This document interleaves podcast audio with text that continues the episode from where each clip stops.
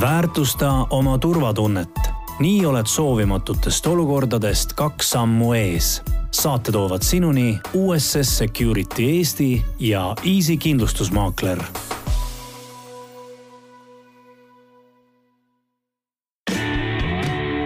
ehitame maja. head kuulajad, podcast nimega Ehitame maja on taas äh, salvestamas oma järgmist saadet ja kui me siiamaani oleme selle maja ju praktiliselt vist valmis ehitanud, et katus on ka peal ja, ja, ja aknad ees, siis ähm, enne seda või, või sellesama aja jooksul, kui ehitus toimub, aga mis veel olulisem, pärast seda, kui sinna on ka oma isiklik vara sisse viidud kas korterisse või majja, oleks vaja teha kaks asja, esiteks oleks vaja panna majale või korterile valve ja teine asi on see, et oleks vaja ka oma asjad ära kindlustada. ja ma saan aru, et kindlustamisega on teinekord probleem, et inimesed ei taha väga seda teha. ja, ja kohe saame küsida ka, et kuidas on valvega. Äh, stuudios lisaks minule on äh, esiteks äh, USS Security müügidirektor Taivo Kutsar ja siis on kaks naisterahvast Easy kindlustusmaaklerist, esiteks vara- ja isikukindlustuse tootearenduse juht Pille Plees. tere päevast ja kodukindlustuse vanemspetsialist Kertu Karbus. tere! Ähm, ja ongi kohe hea küsida väga nii-öelda põhimõttelise, aga, aga lihtsa küsimuse, et äh, kumb peaks olema enne? kas maja või korter peaks olema valvatud või ta peaks olema kindlustatud? noh, tavalises praktikas, kui me räägime eramute ehitamisest, siis kipub vist äh, eraisik tulema oma valveteemaga enne. et äh, kui maja on saanud juba sellisesse ehitusjärku, et seal on, ütleme, uksed-aknad hakkavad ette minema, siis tavaliselt inimesed tulevad ka valvesooviga ja me ka ise soovitame, et sellel mm -hmm. hetkel äh, oleks juba, ütleme, selline viimane hetk, kus võiks sellele valvesüsteemile nagu mõelda. et seal on nagu kaks asja, üks asi on nagu ehitusliku poole pealt, et tuleks mõelda, et mis süsteemi sinna koju siis panna, et kas seal on juhtmetega süsteem, mis mm -hmm. eeldab mhm, mingite mhm. kaabelduste tegemist, mis tuleks hakata nagu ehitusse sisse planeerima, et mitte pärast hakata näiteks mingeid viimistlusi rikkuma või siis on seda noh, ehituslikult keerulisem teha, et saaks need asjad ära nagu planeerida ja mida saab kasutada ka ehitusaegseks valveks, või siis, kui inimene ei soovi või siis nii-öelda tõesti unustas selle valveteema ära, eks, siis on muidugi hilisemalt võimalik ka juhtmevabuseadmeid kasutada. aga valve poole pealt jah, et eh, kui see ehitus on sinnamaani jõudnud, et uksed-aknad on ees, siis tavapäraselt hakatakse sinna ladustama ka mingeid kallimaid materjale mm, -hmm. noh, on seal mingid siseviimistlusmaterjalid, santnaartehnika, noh, alati on ka tööriistad, ütleme, mis on väga, väga nii-öelda kallid ja mis on, ütleme, sellise ehituste puhul noh, niisuguseks pidevaks varguse objektiks mm. -hmm. ja sellel hetkel tasuks siis valve peale panna. meie nimetame seda esialgu nii-öelda selliseks ajutiseks valveks, et öö, kas siis mõned ruumid ainult või või mõned nii-öelda alad ära valvata, kus siis neid asju hoitakse ja mida siis ehituse edenedes saab äh, kas siis ümber paigutada mm -hmm. või, või ümber tõsta, eks. ma arvan, et ma ei eksi, kui ma väidan, et enamus inimesi mõtlevad ikkagi valve peale siis, kui vaibad on juba toas.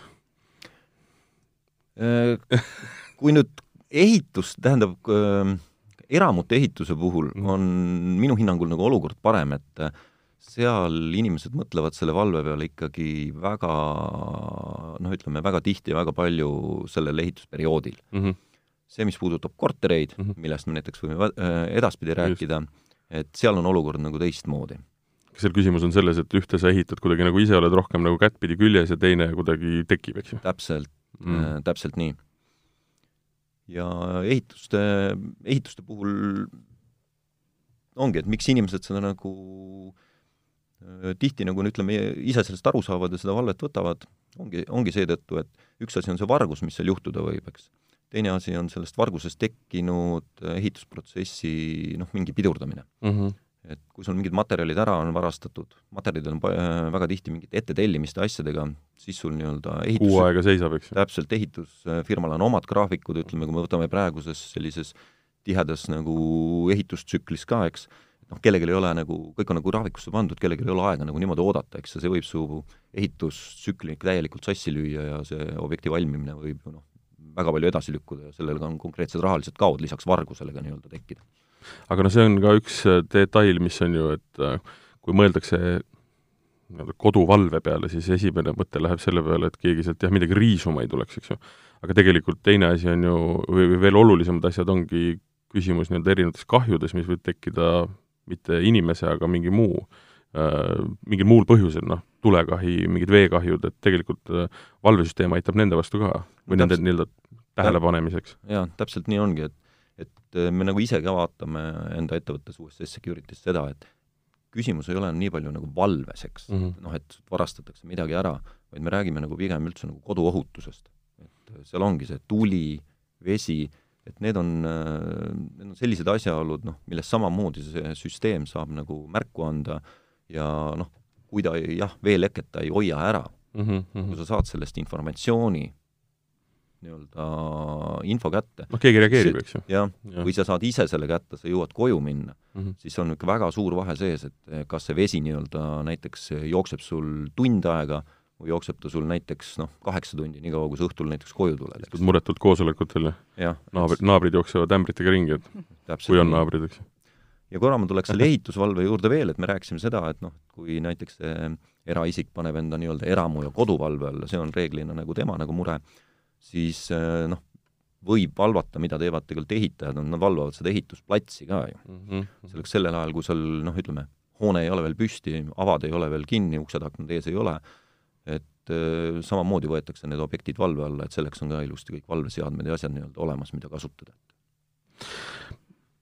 millal kindlustama peaks hakkama? see on ka niisugune küsimus, et äh, noh, ma mõtlen ka, et ma, kui ma hästi isiklikust plaanist räägin, siis ma arvan, et ma võtsin ikka kindlustuse siis, kui juba asjad toas olid, ega ma enne selle peale ei mõelnud. noh, korteri ostul näiteks, eks ju. no tõenäoliselt korteri ostul tulebki see teema, kindlustamise teema siis mängu, kui äh, äh korter on käes äh, ja, ja, ja, ja tõenäoliselt sa ehitusprotsessis ei ole kaasas olnud.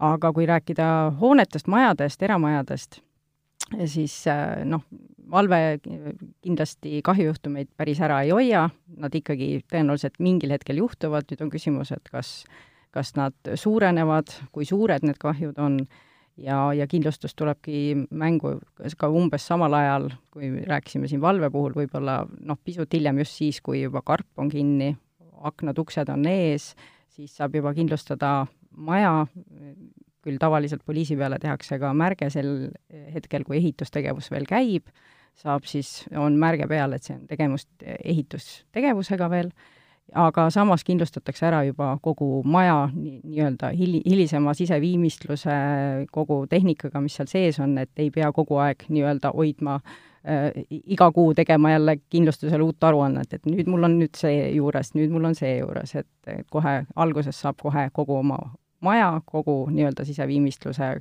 kogu varustusega ära kindlustada.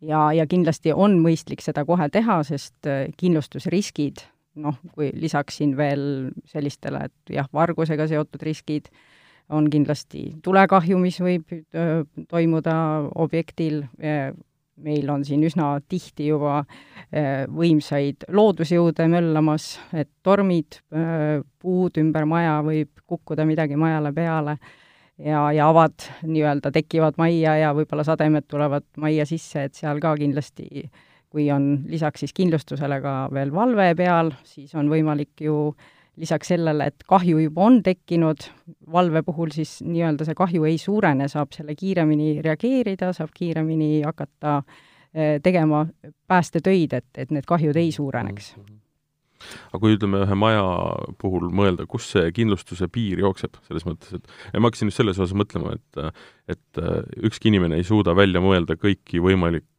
nagu juhtumeid noh, see puu, puu kukkumine mulle tõi, tekitas selle mõtte, et noh, aianurgas on puu, ma ei mõtle selle peale, et see võiks kukkuda majja näiteks. Noh.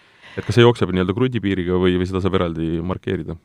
Äh, eramajade puhul ikka äh, see piir on krundipiir, ehk et kõik, mis seal äh, krundi peal juhtub, saab ära kindlustada ja kindlasti siin on abiks kindlustusmaakler, kes nii-öelda aitab seda riski hinnata, aitab nendele riskidele leida lahendusi ja, ja pakkuda nagu just sellele kliendile, sellele, nendele riskidele sobivat lahendust, et, et äh, ei pea nagu mõtlema igat riski, jah, võib nagu põhiriskid nagu üle rääkida, aga noh, lisaks sellistele põhilistele nagu tuli, vesi, torm äh,, on, on ju olemas ka noh, ka seesama varguse või vandalismi juhtum või, või ka näiteks, kui me räägime siin hiljem ka korterite või ka eramajade puhul, on vastutuskindlustus, mis siis minu, nii-öelda see näiteks minu krundil olev puu tormiga kukub naabrimajale peale, siis see on kaetud vastutuskindlustuse alt. Et äh, eriti, kui ma ostan ju uue maja, ega ma täpselt ei tea naabreid seal, ma ei ole ise seal kohe kogu aeg kohal, ei saa vaadata ja hinnata nende puude olukorda, et, et igal juhul see risk on üleval ja seda, selle vastu kindlustada saab. Ja, ja kindlasti tuleb. ma korra tuleks nende ehitusjärgus eramute juurde veel tagasi, et nagu väga täpselt äh, öelda, et üks asi on see vargus nii-öelda, noh, mida inimesed mõtlevad, noh, reaalne risk, võib juhtuda, aga väga suur oht just nendel äh, ehitusjärgus asjadel on, mina ütleksin just see tuleoht selleks, et seal on nii palju ehitusperioodil niisuguseid ajutisi ühendusi mm. -hmm. kas seal on pandud mingid puhurid soojenduseks, asjadeks ja neid äh, juhtumeid on meil noh, igapäevatööst tuleb ikka väga palju sisse, kus sealt tuleb nagu ütleme, häired, kus on jälle mingisugune noh, tuleoht reaalselt tekkinud, ütleme mm, -hmm. oleme häire saanud nii-öelda ja sellele õigel ajal nii-öelda reageerinud. Ehk et siis olete kinni saanud, ei ole midagi ja. reaalselt juhtunud, aga, aga häire on tulnud? jaa, me oleme häire kätte saanud, mhm. on saad-, suudetud reageerida, nii-öelda see olukord ära lahendada, et see nii-öelda tulekolle või see tekkiv, tekkiv tulekolle on suudetud ära likvideerida sealt. no see on alati selge, et, et võimalikult vara tuleks asjadega tegeleda hilja on juba hilja, eks ju. et vargus, et vargus ei ole jah, nagu ainuke asi, et see on just, väga just. hea just, et see tuli, tuli on ka ehit-, ajutistel ehitusobjektidel või nendel mm -hmm. väga suur riskiallikas. noh, võimalik, et mis põhjusel võib-olla edasi lükatakse nende otsuste tegemist, äh, noh, et kas võtta kindlustus või võtta, võtta valve, on ka see, et noh, et äh, arvatakse, et tegemist on mingi hirmus keerulise protsessiga, eks on vaja mingite inimestega kuskil käia, midagi, midagi rääkida, et noh, küll jõuab ehitamisel on ju alati sada, sada asja, küm-, kümme tuhat kõnet on päevas, kellelgi on mingi jama, on ju. et ähm, siit kohe tuli üks äh, väga hea lause, kui ma kinni võtaksin, et et kas valida valve või valida kindlustus. et mõlemad. tegelikult on see selline küsimus, millega me tegelikult igapäevatööst noh, täiesti igapäevaselt kokku mm -hmm. puutume, et et inimesed äh, tegelikult mõtlevad seda, et kas üks või teine, üks või teine mm, -hmm. aga mida me nagu noh, tegelikult ka ütleme, kindlustuse koos vaatame mm, -hmm. et meie näeme nii-öelda teineteist ikkagi nagu partneritena mm -hmm. ja ka klientidele me ütleme seda, et tähendab, et ega valve ei hüvita neid kahjusid, mis tekkida võivad, selle jaoks ongi nagu tegelikult mõeldud kindlustus. valve on nagu ennetav ja kahjusid vähendav äh, meede, eks. et kui sul on valve peal, siis sul ei pruugi midagi juhtuda mm -hmm. ja kui see juhtub, siis tõenäosus, et sul tekib noh, ütleme see kahju nagu väga suureks läheb, on väiksem, eks need ka, need asjad töötavad tegelikult äh, selgelt käsikäes mm. -hmm. tulen korraks tagasi eelmise küsimuse juurde, äh, et korraks seda protsessi kirjeldada ikkagi, et kui, kui lihtne, kui, kui keeruline see on? noh, tegelikult see ei ole keeruline. kui palju võtab aega, ütleme, ühe objekti siis nii-öelda valvele saamine ja kui palju võtab aega ära kindlustamine? kindlustamine ise võtab suhteliselt vähe aega Äh, mis selle natukene niisuguseks pikemaks teeb, on, äh, on pildid. et äh, kui ehitusjärgus maja kindlustada, siis seltsid soovivad eelnevalt ikkagi veenduda selles, et mis olukorras see maja on mm. -hmm.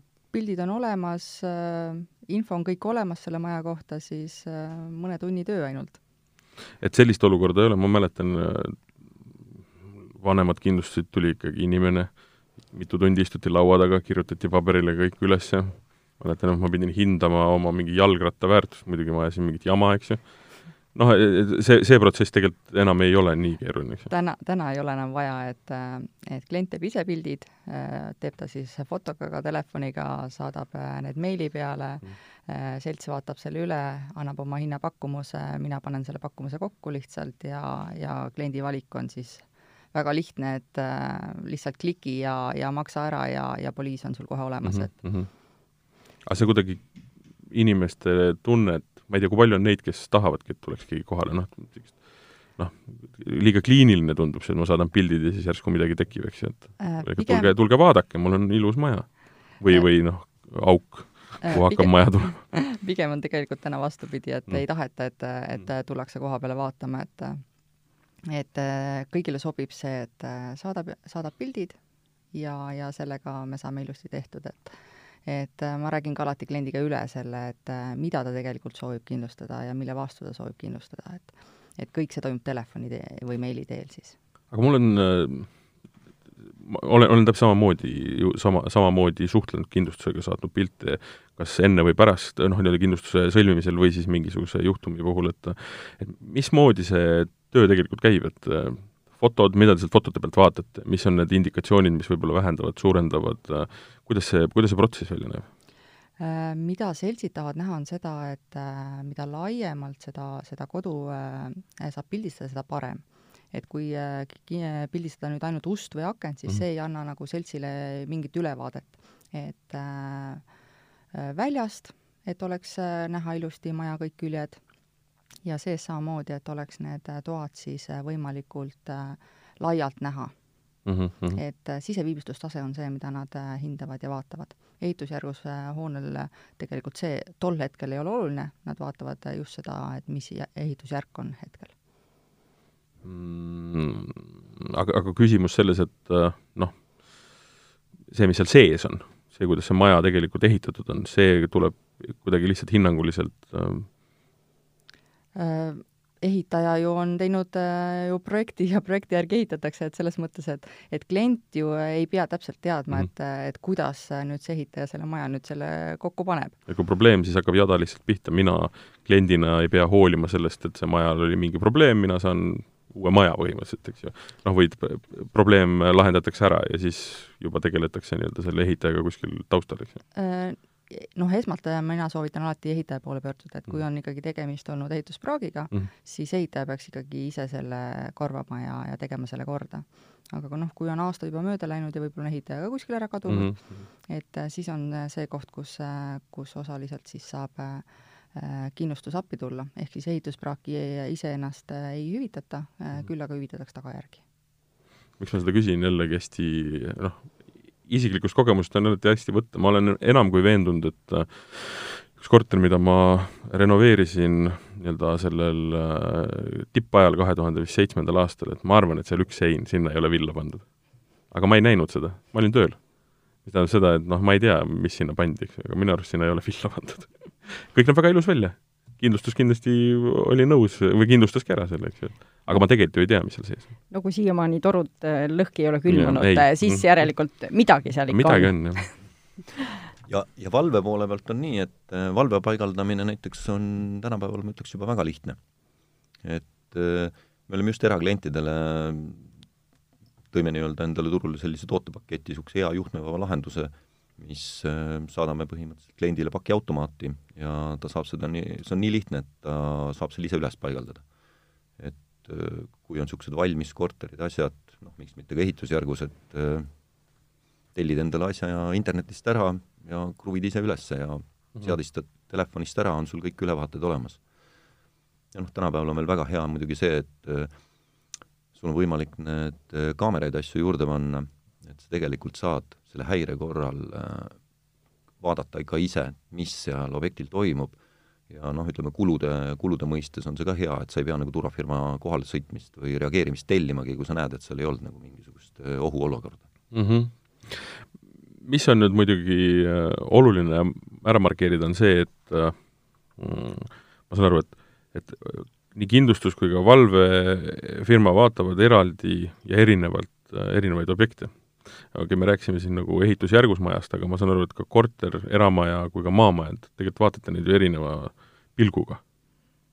Jaa, kindlasti, et, et kui me eramaja puhul noh, seal on ka selge, et see on suhteliselt äh, lai risk ehitustegevuse käigus, seal on materjale hoiustatakse, seal on ehitustegevuse käigus võivad tekkida tulekahjud, veekahjud, et, et, et seal, seal ikkagi soovitame alati kogu sellist laia kogu riskipaketti võtta kõigi ka vastutuskindlustuse lisaga. kui me nüüd liigume korteri juurde, ega siis, ega kokkuvõttes seal ju teistmoodi ei ole, noh, kodu on ikkagi inimese, noh, see on kõige tähtsam, enamus tema eluga seotud asju on seal ja, ja ta elab tõenäoliselt seal, tal ei ole mingisugust teist asenduspinda kuskilt võtta, kui midagi peaks sealt juhtuma. nii et igal juhul ka seal räägime ikkagi nendest, ka korteri puhul, samadest riskidest, on tulekahju, veekahju, kortermajade puhul kindlasti tuleb mõelda sellele, mitmekordne see maja on, mitmendal korrusel mina elan, mitu ülemist naabrit mind võivad uputada, kas äh, veekahju puhul või näiteks, kui on ülevalpool tulekahju ja tul-, tuld kustutatakse, või mitu korrust on minust allpool, kellele mina võin veel lisaks mi-, minu korteris tekkinud kas äh, toru, torustiku lõhkemisest või, või veekahjudest tekkinud kahjusid hüvitada. ja, ja kindlasti ka see, et kui seal majas midagi juhtub, mingi tulekahju, veekahju, minu korter on võib-olla mingiks ajaks elamiskõlbmatu kas mul on olemas asenduspind või on see, et, et ma tegelikult kindlustada saan ka ajutise elamispinna kulusid, et kui mul on võib-olla vaja kolm kuud, kuus kuud elada kuskil mujal hoopis, et, et kas ma saan elada sõprade juures, kolin ämma juurde, et võib-olla ei ole kõige parem valik kõigi oma asjadega, et kindlasti seal eh, needsamad riskid.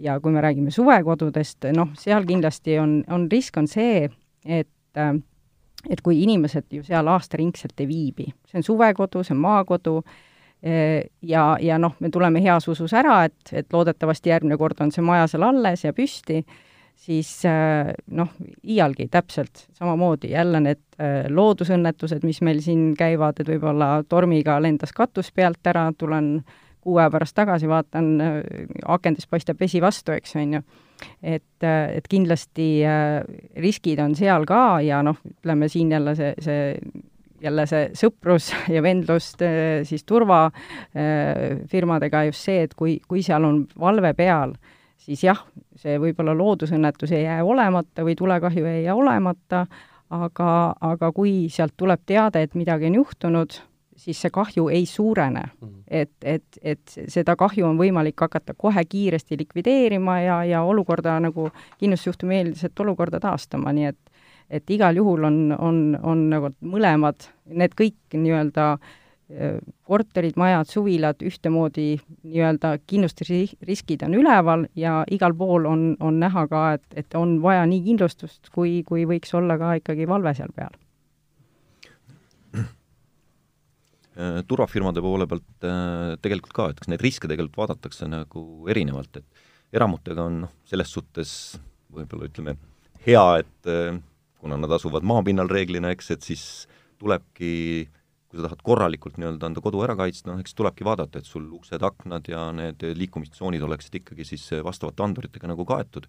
aga kui me läheme näiteks kortermaja juurde, siis ega meie vaatame ka nii-öelda koostöös kliendiga seda asja ikka nagu mõistlikkuse nagu põhimõttel, et kui sa asud näiteks esimesel ja võib-olla viimasel korrusel, siis me näeme neid riske suuremana, et tõesti, peaks panema ka rõdudega nii-öelda tubadesse kindlasti andurid või kontaktid nii-öelda ustele-akendele, eks.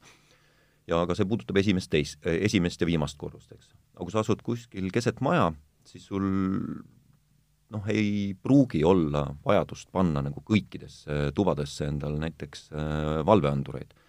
et seal tasuks kindlasti mõelda pigem veelekkeanduritele ja suitsuanduritele, et äh, seal toad oleks nendega ilusti ära kaetud. eks tõenäosus, et äh, noh, sealt rõdu kaudu nagu keegi sul sisse tungib, noh, see ei ole nagu väga suur. või, või kolmanda korruse magamistoa akna kaudu, mis on no, keset täpselt, maja, eks ju. täpselt, täpselt, täpselt. ja sinna ei ole ka tõenäoliselt andurit vaja, andur läheb sinna, kus on tõenäoliselt kõige kindlam liikumisteekond, eks ju. jah, kui ta sealt toast ka läbi astub, astub koridori, aga koridor nii-öelda kui liikumisteede nii-öelda ristpunkt on sul anduritega kaetud, igal juhul saab selle äh, sissetungihäire nagu kätte. suitsuandur, vinguandur, hästi loogilised asjad, kuhu läheb äh, vee äh, siis või nii-öelda veelekkeandur, kuidas see käib?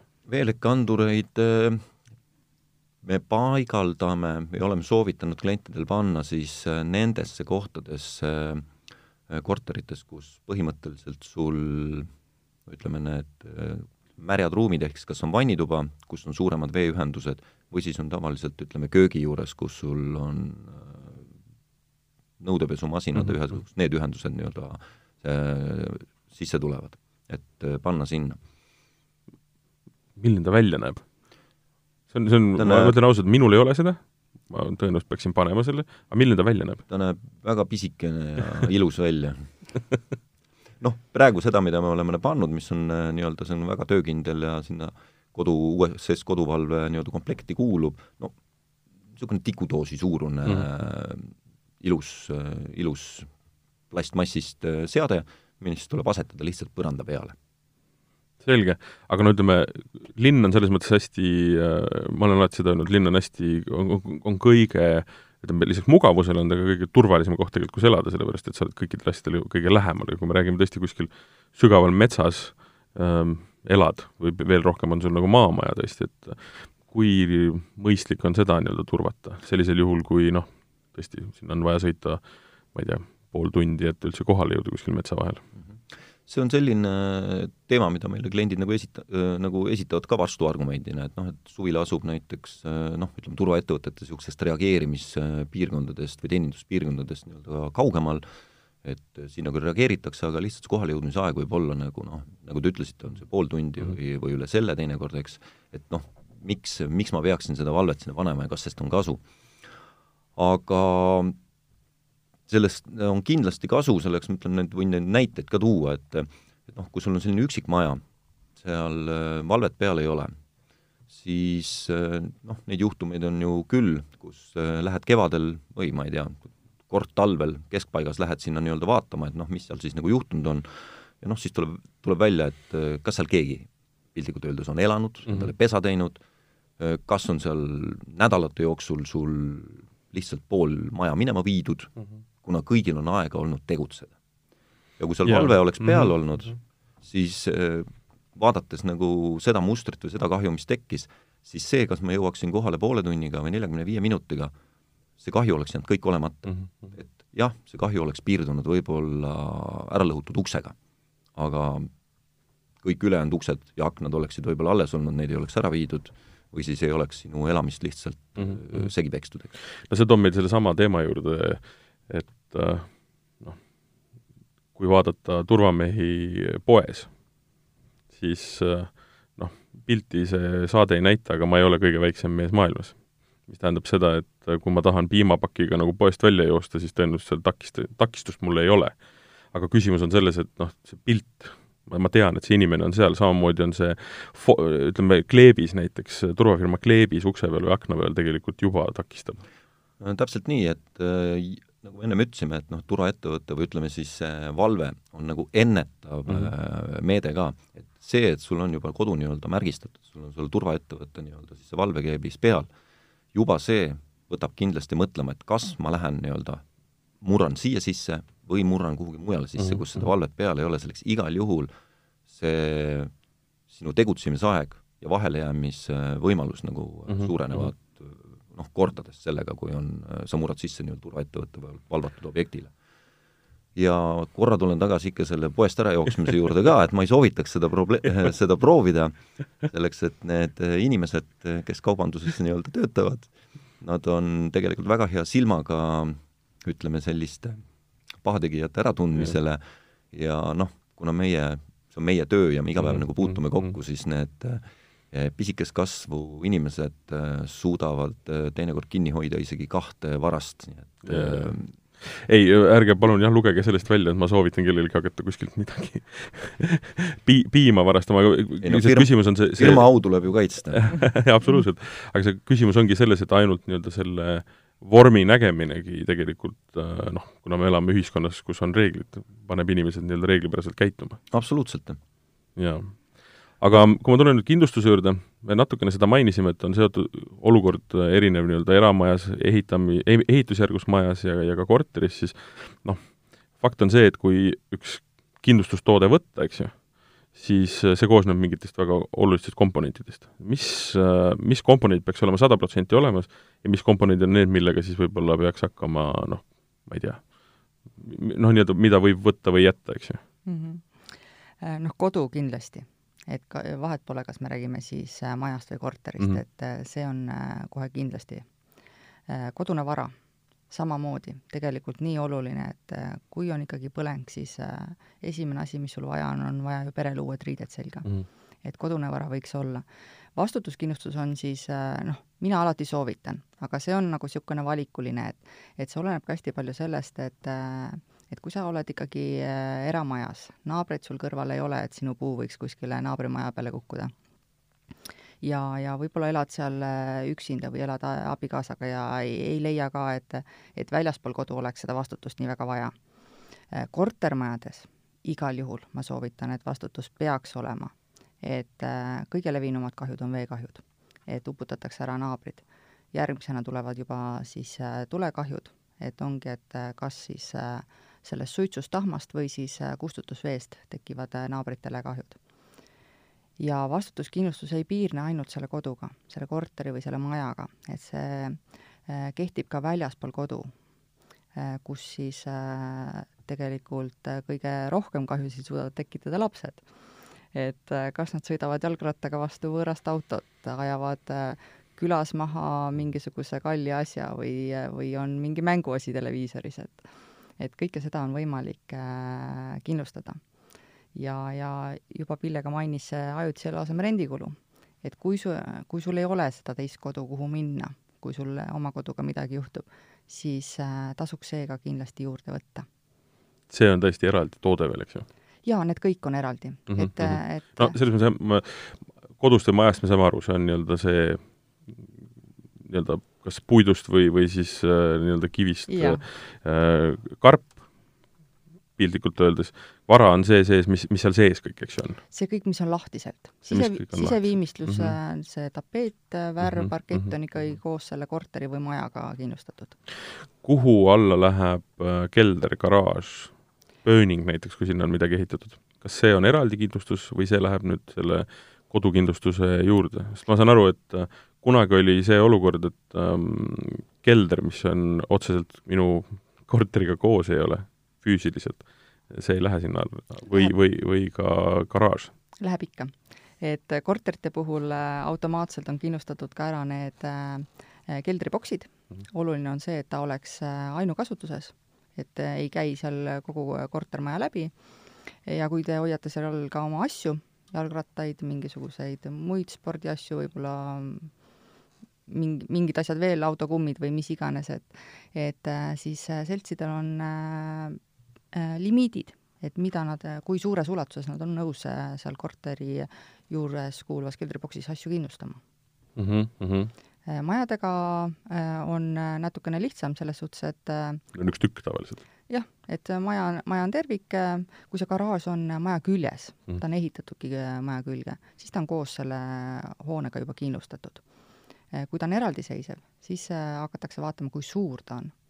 enamusel seltsidel on need kuni kakskümmend ruutu abihooned on automaatselt kindlustatud Mhm. välja arvatud siis saunad, et saun tuleb alati eraldi kindlustada. Ehm, ja nüüd rääkisime sellest vastutuskindlustusest, et mis selle piirid on ikkagi tegelikult ja,? jah, jah, ma, ma tean, mul endal on loomulikult mingi osa isegi sularaha, mis on vist Eesti piires. Mingisugused väga niisugused minu jaoks noh, kummalised asjad, kui ma hakkasin seda dokumenti lugema, väga hea, absoluutselt. aga et mi-, kus see on, kus, kus need piirid nagu jooksevad, et kas see on mingi loogil-, mingi loogika on ka seal või, või või see sõltub näiteks sellest, et kui kindlustuspakkuja mõtleb lihtsalt välja, kuidas ennast paremini müüa, et noh, veel ja veel ja veel on ju pakkuda inimesele? üldiselt on ikkagi koduse vara hulgas on, on kindlustatud see vara, mis sul on kodus mm. -hmm ja, ja enamus seltse pakuvad väljaspool kodu kaasas olevale varale, noh näiteks jalgratas, lapsevanker, mõned seltsid ka arvuteid, telefone, teatud summa piires. Ja seda siis nii Eestis kui ka väljaspool Eestit, et noh, see, see piirmäär on siis erinevatel seltsidel erinev, seal mõnest tuhandest, mõnel, mõnel siis nagu suuremani summani välja et, et on ka see väljaspool kodu nii-öelda varana kaetud, kui me räägime vastutusest, siis vastutusel nii-öelda noh, lisaks sellele, et ma siin võib-olla oma, oma naabreid kas uputan või suitsutan, siis noh, Kertu siin tõi juba näiteid laste poolt tekitatud kahjudest, et, et noh, reaalsus juba on jah, see, et tegelikult täna inimestel on kallid asjad, noh, kas me võtame kas või need autod, eks on ju, jalgratastega sõidetakse iga päev üha rohkem ringi, õnnetusi juhtub, autod on meil liikluskindlustusega kaetud, nende poolt tekitatud kahjud hüvitatakse, jalgratturid oma vastutust täna kindlustada ei saa, eriti veel lapsed, aga need kahjud, mis võivad tekkida selle, selle rattaga sõitmise tagajärjel, noh, võivad olla ka üsna suured. et, et seda saab kindlasti vastutuskindlustusega katta mm. -hmm. ja vastutus ei kehti ka siis äh, ainult siis Eesti piires, vaid ikkagi mm -hmm. osadel seltsidel on ta siis laiem, on ta siis Euroopa või on ta lausa kogu maailm? Ja kui me räägime, siis oli äh, see asenduspinna äh, nii-öelda kindlustuskaitse, kuid üsna levinud on ju täna juba see, et inimesed ostavad kinnisvara selleks, et seda välja rentida, üürida ja, ja sa ju sellega reaalselt arvestad, eks on ju, sul on sissetulek mm., sul on võib-olla ka see, see, see korter, mida sa välja üürid, äh, pangalaenuga ostetud, sa oled arvestanud, et sellest üürist sa saad oma pangalaenu kaetud, siis kui peaks sellises korteris midagi juhtuma, et ka seal on vaja vahepeal üürnik välja kolida, sellepärast et äh, seal on vaja taastamistöid teha, siis on võimalik kindlustada ka üüritulu kaotus. ehk et, et sellel ajal, kui mul üürnik sees ei ole, siis makstakse vastavalt lepingule, kui palju üürnik oleks pidanud maksma, kindlustusselts maksab selle raha. et sul ei jää siis see tulu ka saamata, nii et, et neid kindlustuskaitse võimalusi on üsna palju. miks ma seda just küsisingi, ongi seesama asi, et noh, mina näiteks sellest viimasest kindlustusest ei teadnud ma arvan, enamus ei tea seda. et oluline, noh, ma olen seda kõikides varasemates saadetes ka öelnud, et reegel number üks alati on see, et tule kohale, räägi inimesega küsi, siis sa saad teada, et mis variandid on, eks ju, et et aga, aga ma korra selle kindlustuse juurde veel jäädes, et kas noh, ütleme, ma saan aru, et et selle kindlustuse pakkujana kindlasti huvi on see, et võimalikult palju seda ostetakse, eks ju. aga kas kuskil on ka mingi mõistlikkuse piir, noh, ma kujutan ette, et te võite ära kindlustada mu hingamise ka, see on kõik fine, aga, aga et kas see kuskil on nagu mingi mingi piir ka, kus, mis asjad võib-olla on niisugused väga eksklusiivsed asjad, mida ei ole võib-olla igale poole vaja? No tegelikult me nendest, mis me ju täna mm -hmm. siin oleme rääkinud, ma ei leia, et nendest ükski oleks ja. eksklusiivne mm. -hmm. ja, ja kui tihti arvatakse, et noh, et kindlustus on ikkagi kallis et siis me ju räägime ikkagi kodu kindlustamisest ja. ja kodu peaks inimesel olema kõige kallim ja kui me nüüd arvestame seda võimalust, et noh, kindlustust täna ju saab maksta ka näiteks kuu kaupa seda kindlustuslepingut, siis äh, ma arvan, et iga see kulutatud euro oma hingerahule ja, ja võimali-, võimalikul sellele, et, et kui midagi juhtub, et ma olen kaitstud. et, et see korter, mis ma olen pangalaenuga ostnud, see diivan, mis ma olen järelmaksuga ostnud ja nii edasi, see, see televiisor, mis, mis on võib-olla siin kogutud rahaga ostetud ja midagi, midagi kukkus näiteks seina pealt maha, laps lükkas maha, mis mm. iganes, et siis, et, et need asjad on kaetud, et mu hingerahu on, on tegelikult ühe väikse summa eest nagu et, ma arvan, ma arvan, et see ei ole mitte midagi eksklusiivset. seda küll jah, et, et äh, ei, ei ole vaja maha põlenud majas istuda ja mõelda, et see kõik oleks võinud mulle maksta ainult neli õlut äh, kuus, ütleme. midagi sellist äh, korra tahaks selle kortermajade äh, valve juures peatuda veel, et kui me siin eramutest ütlesime, et eramu nii-öelda omanikud või seal ma ütlen tõesti nagu äh, nad tunnevad nagu rohkem, et su kodu on nagu avatud, et seda nagu peaks nagu kuidagi nagu ütleme, kaitsma mm, -hmm. siis korterite puhul on äh, selline asi nagu jah, rohkem nagu levinud, inimesed tunnevad, et see on nagu turvaline, eks, et noh, mul on all uks, on ju, keegi ei saa sisse, majas on äh, palju naabreid, eks mm, -hmm. et noh, et tõenäosus või niisugune turvalisustunne tekib, eks. siis mis väga palju tegelikult juhtub, on see just, kui me võtame näiteks, toon näiteks lihtsalt, ütleme, mingisugused uuemad, uuemad majad, kus inimesed nagu sisse kolivad siis äh, peale seda, kui need korterid hakatakse, ütleme, loomutama, inimesed hakkavad sisse kolima, siis läheb äh, just üheks selliseks riskantsemaks perioodiks, kus äh, majas elanikud ei tunne veel üksteist, majas on hästi palju võõraid inimesi, osaliselt võib-olla ehitaja lõpetab kuskil töid, teistes korterites võib-olla ehitusmehed panevad kööke, mis iganes, inimesi liigub hästi palju. ja see tähendab, et need uksed on tegelikult avatud ja sellel perioodil noh, see on selline väga tihe ja kind-, kindel nii-öelda selline periood, kus äh, toimuvad mingisugused sissemurdmised tegelikult korteritesse, eks mm. -hmm. et ega see äh, noh, inimesed jah, ütlevad, noh, et mis seal on, mul on noh, mis on hea jälle tegelikult, ütlevad, no mul on kindlustus, on, näed, mul makstakse see varastatud televiisor kinni, eks.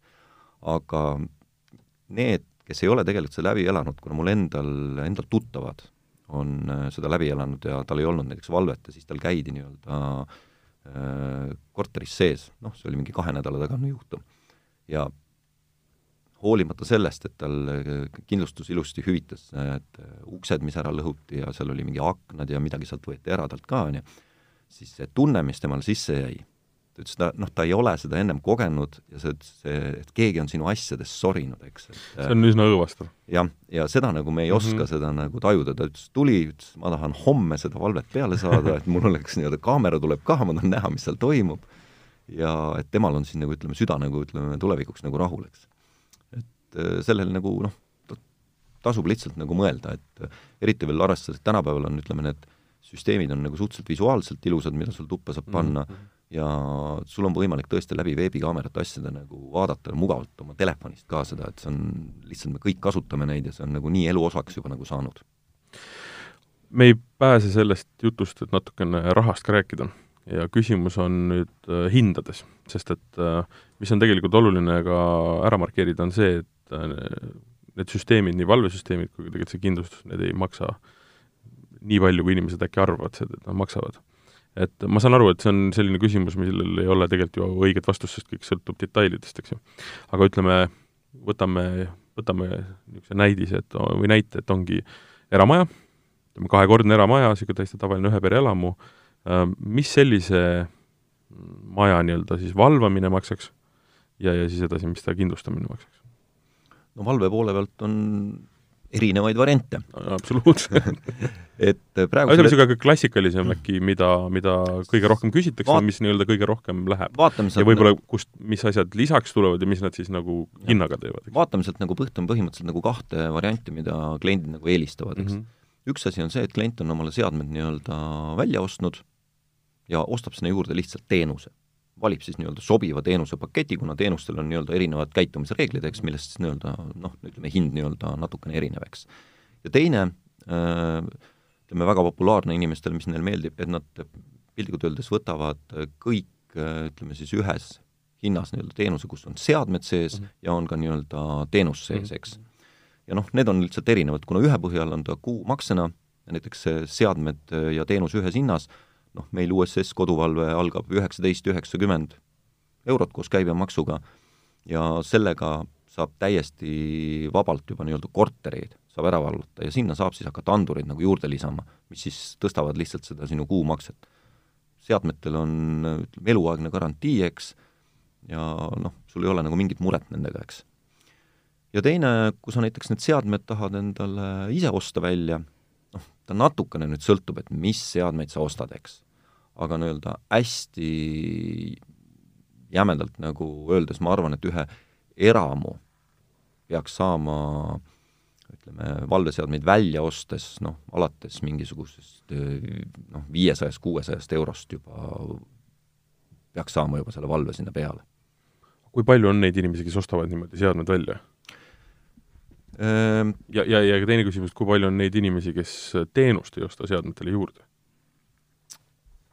see tähendab, äh, need, kes äh, ostavad seadmed, aga teenust juurde ei võta, äh, nende kohta ma pär-, oskan ma anda võib-olla hinnangulise, nii-öelda hinnanguliselt öelda, kuna neid seadmeid ei pea ostma ainult turvafirmast, vaid sa võid need seadmed tegelikult osta ka mingitest noh, kuskilt kuskilt mm -hmm. on palju, ütleme, selliseid nõrkvalufirmasid, kes nii-öelda seadmeid müüvad, et need ei ole ainult nagu turva, turvaettevõtete mm -hmm. nagu nii-öelda pärusmaa, eks mm. -hmm aga me ise nagu hindame, et ütleme, niisugust eramuturult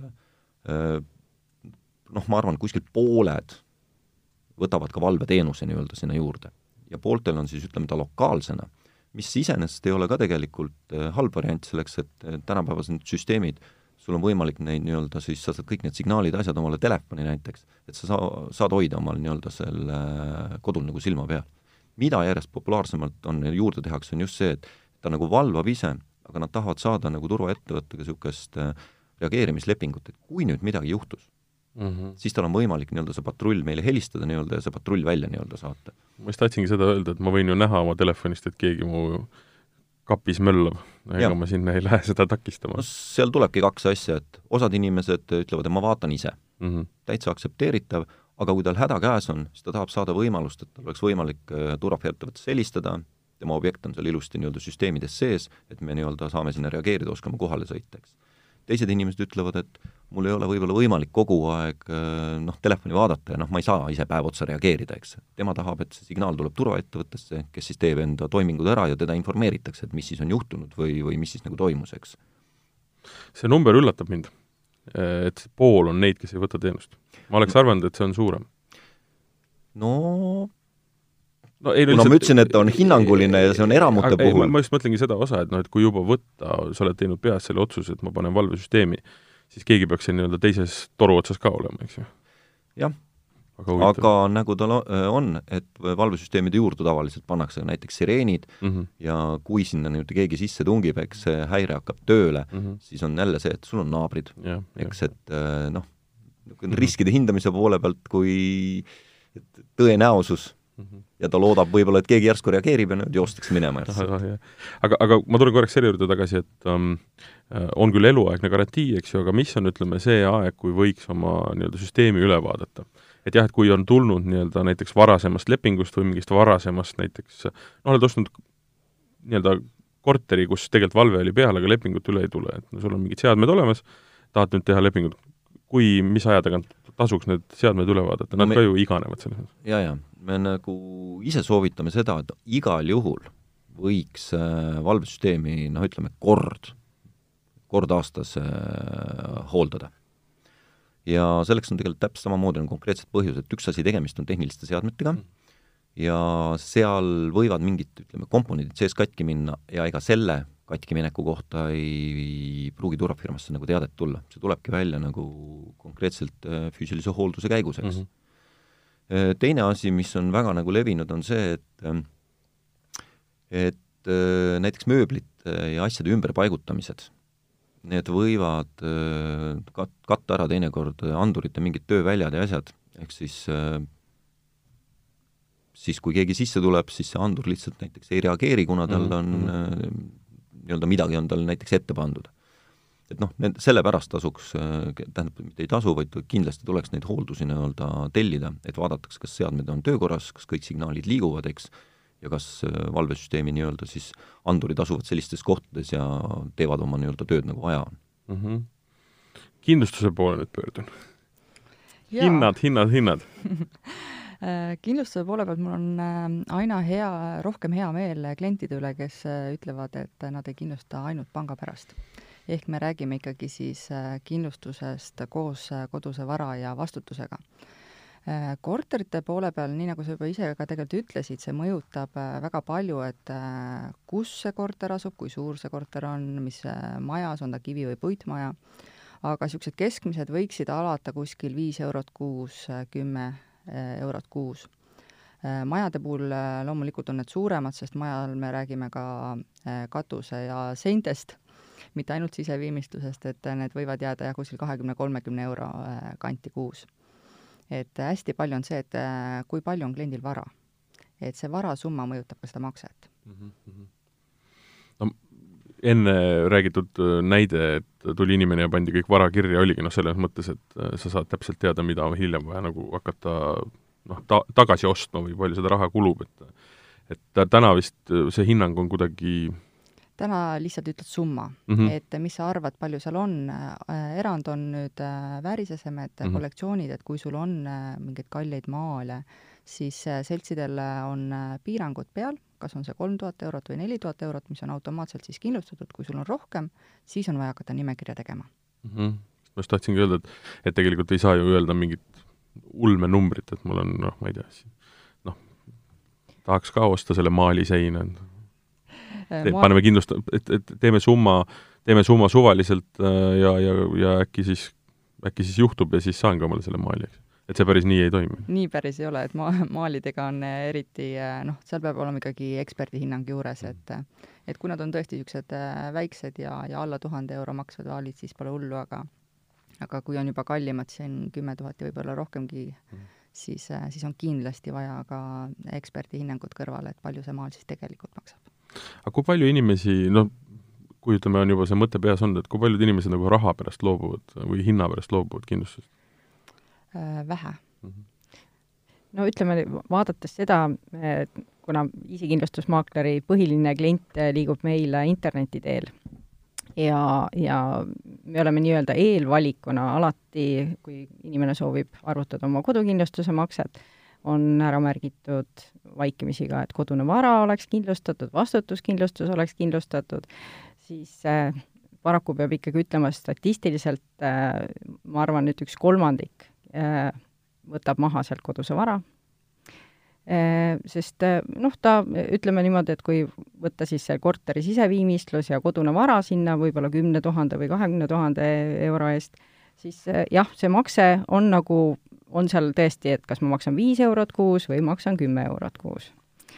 et noh, sel hetkel tundub päris suur summa aga noh, ütleme nii, et jälle, jälle näidete poole pealt noh, et need on ikkagi väga valusad näited, mis siis sellise kahju, noh, kui juhtub sellise varaga kahju, kus on ainult korter ära kindlustatud ja kodust vara üldse ei ole kindlustatud ja kui seal juhtuski kas või väike tulekahju, näiteks äh, üks näide on siin, et kus siis äh, jõuluaeg meil just tulemas, äh, jõulukaunistus elektriline aknalaua peal, kardinast läks sealt mi-, mingisugune nii-öelda rike seal oli, kardin läks põlema see on teada kunstmaterjal, mis võtab väga kiirelt ja väga kõrged temperatuurid, sealt väikene tulekahju tekkis, terve korter oli saanud suitsukahjustusi, kogu kodune vara tuli lihtsalt äh, likvideerida, sellepärast et seda ei olnud võimalik äh, kasutada selle, selle, selle suitsukahjustuse tõttu ja kodune vara oli kindlustamata. ehk et äh, jah, korter oli kindlustatud, remont sai tehtud, aga see oli tühi karp kuhu see klient hiljem tagasi kolis. tal ei olnud ei diivanit, ei, ei jopet, ei saapaid. ehk et, et kindlasti noh, jah, me näeme statistiliselt, et, et neid inimesi, kes valivad hinda, on, on ikkagi üsna palju, aga aga noh, me loodame, et, et kas või tänane saade natukene avab, avab nagu silmi ja, ja paneb mõtlema, et noh, mida, mida on nagu tihti, kui me räägime kodu kindlustamisel, noh siis mõeldaksegi, ma kindlustan tulekahju vastu oma kodu ära, noh, ja et kui juhtub, põleb maha, noh, kindlustus maksab kinni, ehitame uue. Aga mille peale tihti ei mõelda, on just see kodune vara ja just see summa, mis seal on. et noh, siis vaadataksegi, et noh, ma võtan selle kümme tuhat. et kui me nüüd võtame maja või korterit, ja hakkame siis toa kaupa ette võtma, mis meil seal toas on, alustame esikust, kus on garderoobikapp, loeme kokku need saapad, need mantlid, need kindad, suusad, äh, ratta, äh, siis liigume edasi elutuppa, kus on tehnika, magamistuppa, kus on voodi ja nii edasi, et ühesõnaga seda vara tegelikult, kui teda nüüd nagu ükshaaval kirja pannaks, nii nagu vanasti pandi siis tõenäoliselt tuleks see summa nagu päris kiiresti, see kümme tuhat täis, et, et noh, teinekord tasuks korra mõelda, kui palju seda vara ikkagi sinna vaikselt niimoodi päeva kaupa on juurde tekkinud ja palju iga asi maksab ja, ja, ja kindlasti on mõistlik see siiski selle võib-olla viie euro eest kuus ära kindlustada, sest et et jah, neid tulekahjusid võib-olla ei juhtu nii tihti, aga kui juhtub, siis need kahjud on ikkagi väga suured ja, ja, ja see hingerahu peaks olema see, mida, mida see kindlustus annab sest ma olen, hästi lihtne on ju mõelda niimoodi, et noh, et mis see mu vana diivan ikka maksab, eks ju. aga mõtleme sedamoodi, et see on vaja soetada. jah, ja, ei ja, saa hinnata teda selle järgi, et ma olen ma ei tea, viis aastat selle peal istunud, eks ju, et mis ta ikka maksab, maksab, maksab. Maksab, maksab ja, ja noh, ega, ega sa siis ikkagi tegelikult tõenäoliselt ei taha osta seda kasutatud ja, diivanit kuskilt, sa tahad ikkagi osta uue diivani, uue voodi, uued voodilinad ja tekid ja padjad ja, ja noh, eks see kõik ju ikkagi maksab, et et kindlasti nagu jah, me näeme, et seda hinnatundlikkust on, teda jääb vähemaks, ma usun, et teda on jäänud vähemaks ka sellepärast, et noh, ikkagi äh, kui kes vähegi kindlustusega on kokku puutunud, keegi kindlasti kindlustusnõu on andnud, et miks peaks seda, seda vara ka seal korteris sees või majas sees kindlustama, et et seda jah, et maju kindlustatakse või korterit kindlustatakse, seda me näeme rohkem, seal on ka jah, kunagine pankade nõue, kuigi ka juba see on näha, et, et ka inimesed ei pea ja noh, olema nii, et ma nüüd panga pärast kindlustan, et mõeldakse korteri kindlustamise peale, aga mitte oma vara ja ka vastutusest, millest me täna oleme üsna palju rääkinud juba korteri puhul te tegelikult või üldse maja, majade, varade puhul lisaksin veel juurde, et et täna me tegelikult ei kindlusta ju ainult tulekahjude või varguse vastu, vaid kogu riskikindlustusega on ka asjade mahakukkumine ja purunemine kindlustusjuhtum. ja seda siis mitte ainult teie kodus, vaid ka väljaspool. et tänaval kukub telefon maha või arvuti kukub maha, et, et see on samamoodi tegelikult kindlustusjuhtum on, on, on, palju-palju laiem kõik see, mida me tegelikult arvame. Ja, ja ma, ma arvan, et üks asi, mille pärast võib-olla inimesed ka seda kindlustust nagu noh, ütleme võib-olla noh, ei võta nii kohe vastu kõike, mida pakutakse, on see, et võib-olla on mulje, et noh, et mis selle kindlustusega ikka, et pärast on mingi jama, tõestaja, mölla ja niikuinii midagi tagasi sealt ei saa. minu enda kogemused ütlevad, et see on üks õudselt valutu protsess see, seal ei ole, ei, siiamaani vähemalt ei ole mul olnud küll nagu pikemalt vaja vaielda kellegagi, õnneks, õnneks ei ole väga suuri asju olnud, aga kõik väiksed äh, mingisugused asjad, äh, mis on juhtunud, on ikkagi üsna kiiresti ja valutult äh, nagu ära lahendatud, et et ma ei saaks küll öelda, et, et see on noh, niisugune nagu loto omaette. No see kõik algab ikkagi kindlustuslepingust, mis mm -hmm. sõlmitud on, et mhm. kui sa oled teinud kindlustuslepingu sõlmides sellise otsuse, et ma tahaks hirmsasti raha kokku hoida mm, -hmm siis tõenäoliselt sul nii häid kogemusi ei oleks. seda ma usun, jah. no aga, aga nüüd on üks küsimus, mis tegelikult on, on ka hästi oluline, ongi see, et et kui me räägime sellest kodukindlustusest, äh, kõikidest nendest äh, osadest, mis on need asjad, millega peab inimene olema nagu sada protsenti teadlik, et äh, mis ei lähe sinna kindlustuse sisse. ma siin saateväliselt tõin oma näite, kuidas mu koer, kes ei ole mitte midagi kunagi lammutanud, sünnipäevakingiks sõi ära diivani. aga kuna see on minu koer, noh, ise olen laisk, ei ole teda koolitanud, siis äh, selle puhul vastus kindlustuselt tuli ei. jaa, et et mis on veel need sarnased, ütleme no koduloomad üleüldiselt, et mm -hmm. siin kassid ajavad äh, televiisoreid maha, et, et see on te tegelikult sama, samasugune juhtum äh,. igasugune kulumine, niisugused pikaajalised protsessid, kuskil hallitab, midagi kõduneb, et need ei ole kindlustusjuhtumid. ja, ja noh, üks Äh, oluline asi, äh, mida, mida ainult mõned üksikud kindlustusseltsid hüvitavad, on äh, läbi katusekonstruktsiooni tulnud veekahjud. et kui kliendile on see oluline, siis, siis on mõni selts ainult, kelle vahel ta saab valida. vanematel majadel on see kindlasti probleem? vanematel ja, ja pigem isegi uuematel. jah, et ehituspraagist tulnud veekahjud lähevad samamoodi sinna alla, et praaki ennast ei hüvitata, aga jah, need kõik need, mis, mis ta selle siseviimistlusele kahju tegi, siis need lähevad sinna alla mis haakub järjekordselt, ütleme, nende uute korterite näiteks selle valvesüsteemi poole pealt, et majad on ju ilusad ja toredad, aga kuna noh, ehitus on käinud ja no ütleme, sellise esimese poole aasta jooksul või niisuguse aasta jooksul võib tulla päris palju selliseid noh, vigu, vigu nagu välja, mis on mm -hmm. täiesti normaalne nii-öelda, et mis tulevad, eks.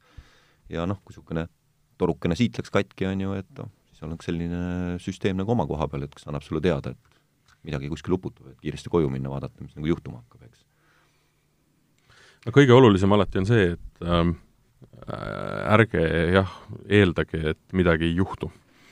sest et kui on juhtunud, siis on nagu jah, nutt on taga väga, väga lihtne.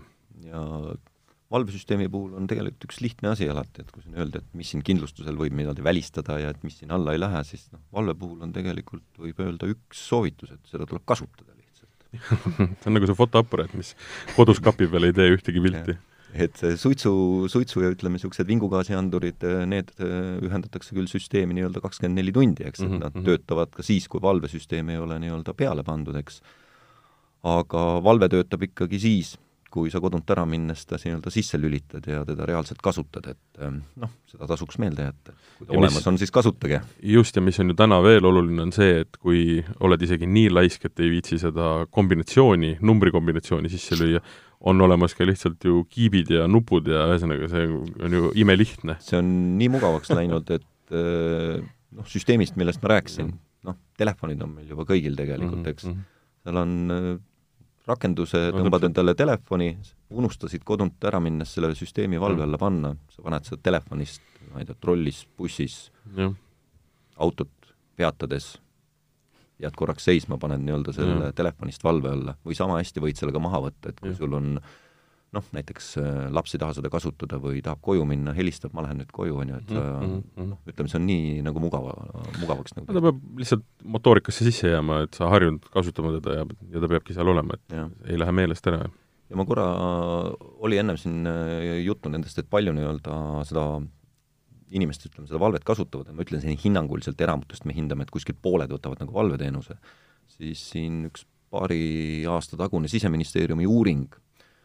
äh, mida me vaatasime, et äh, seal oli minu arust kuskil mingisugune a la kaksteist kuni neliteist protsenti ütleme, eluruumidest või ütleme siis jah, elanikest kasutab valveteenust ja see oli Tallinnas Harjumaal. ehk siis Eesti kokku oli minu arust kaksteist protsenti.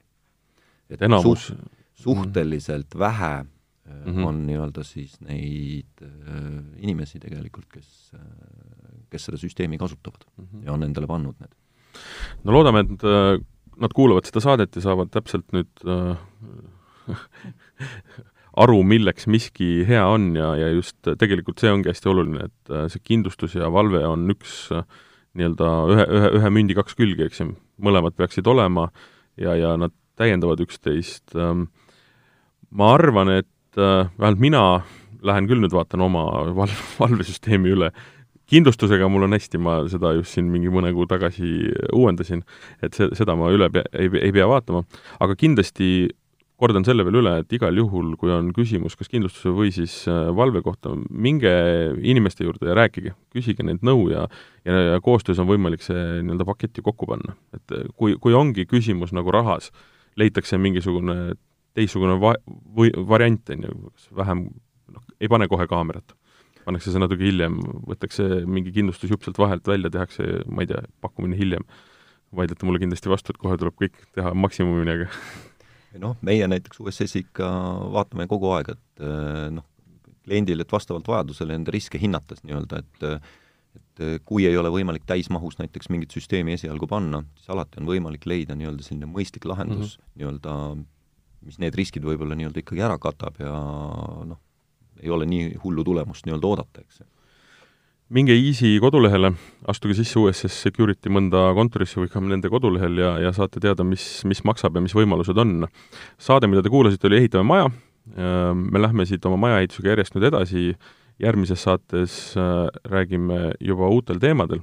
Äh, lisaks minule, saatejuht Martin Hansonile, oli saates USS Security müügidirektor äh, Taivo Kutser, Easy vara- ja isiku, isikukindlustuse tootearenduse juht Pille Plees ja Easy kodukindlustuse vanemspetsialist äh, Kertu Karbus ja minge vaadake veel kord üle oma kindlustused, äh, minge vaadake üle oma valvesüsteemid ja meie kohtume ja kuuleme juba järgmine kord. ehitame maja. väärtusta oma turvatunnet. Nii oled soovimatutest olukordadest kaks sammu ees. saate toovad sinuni USS Security Eesti ja Easy kindlustusmaakler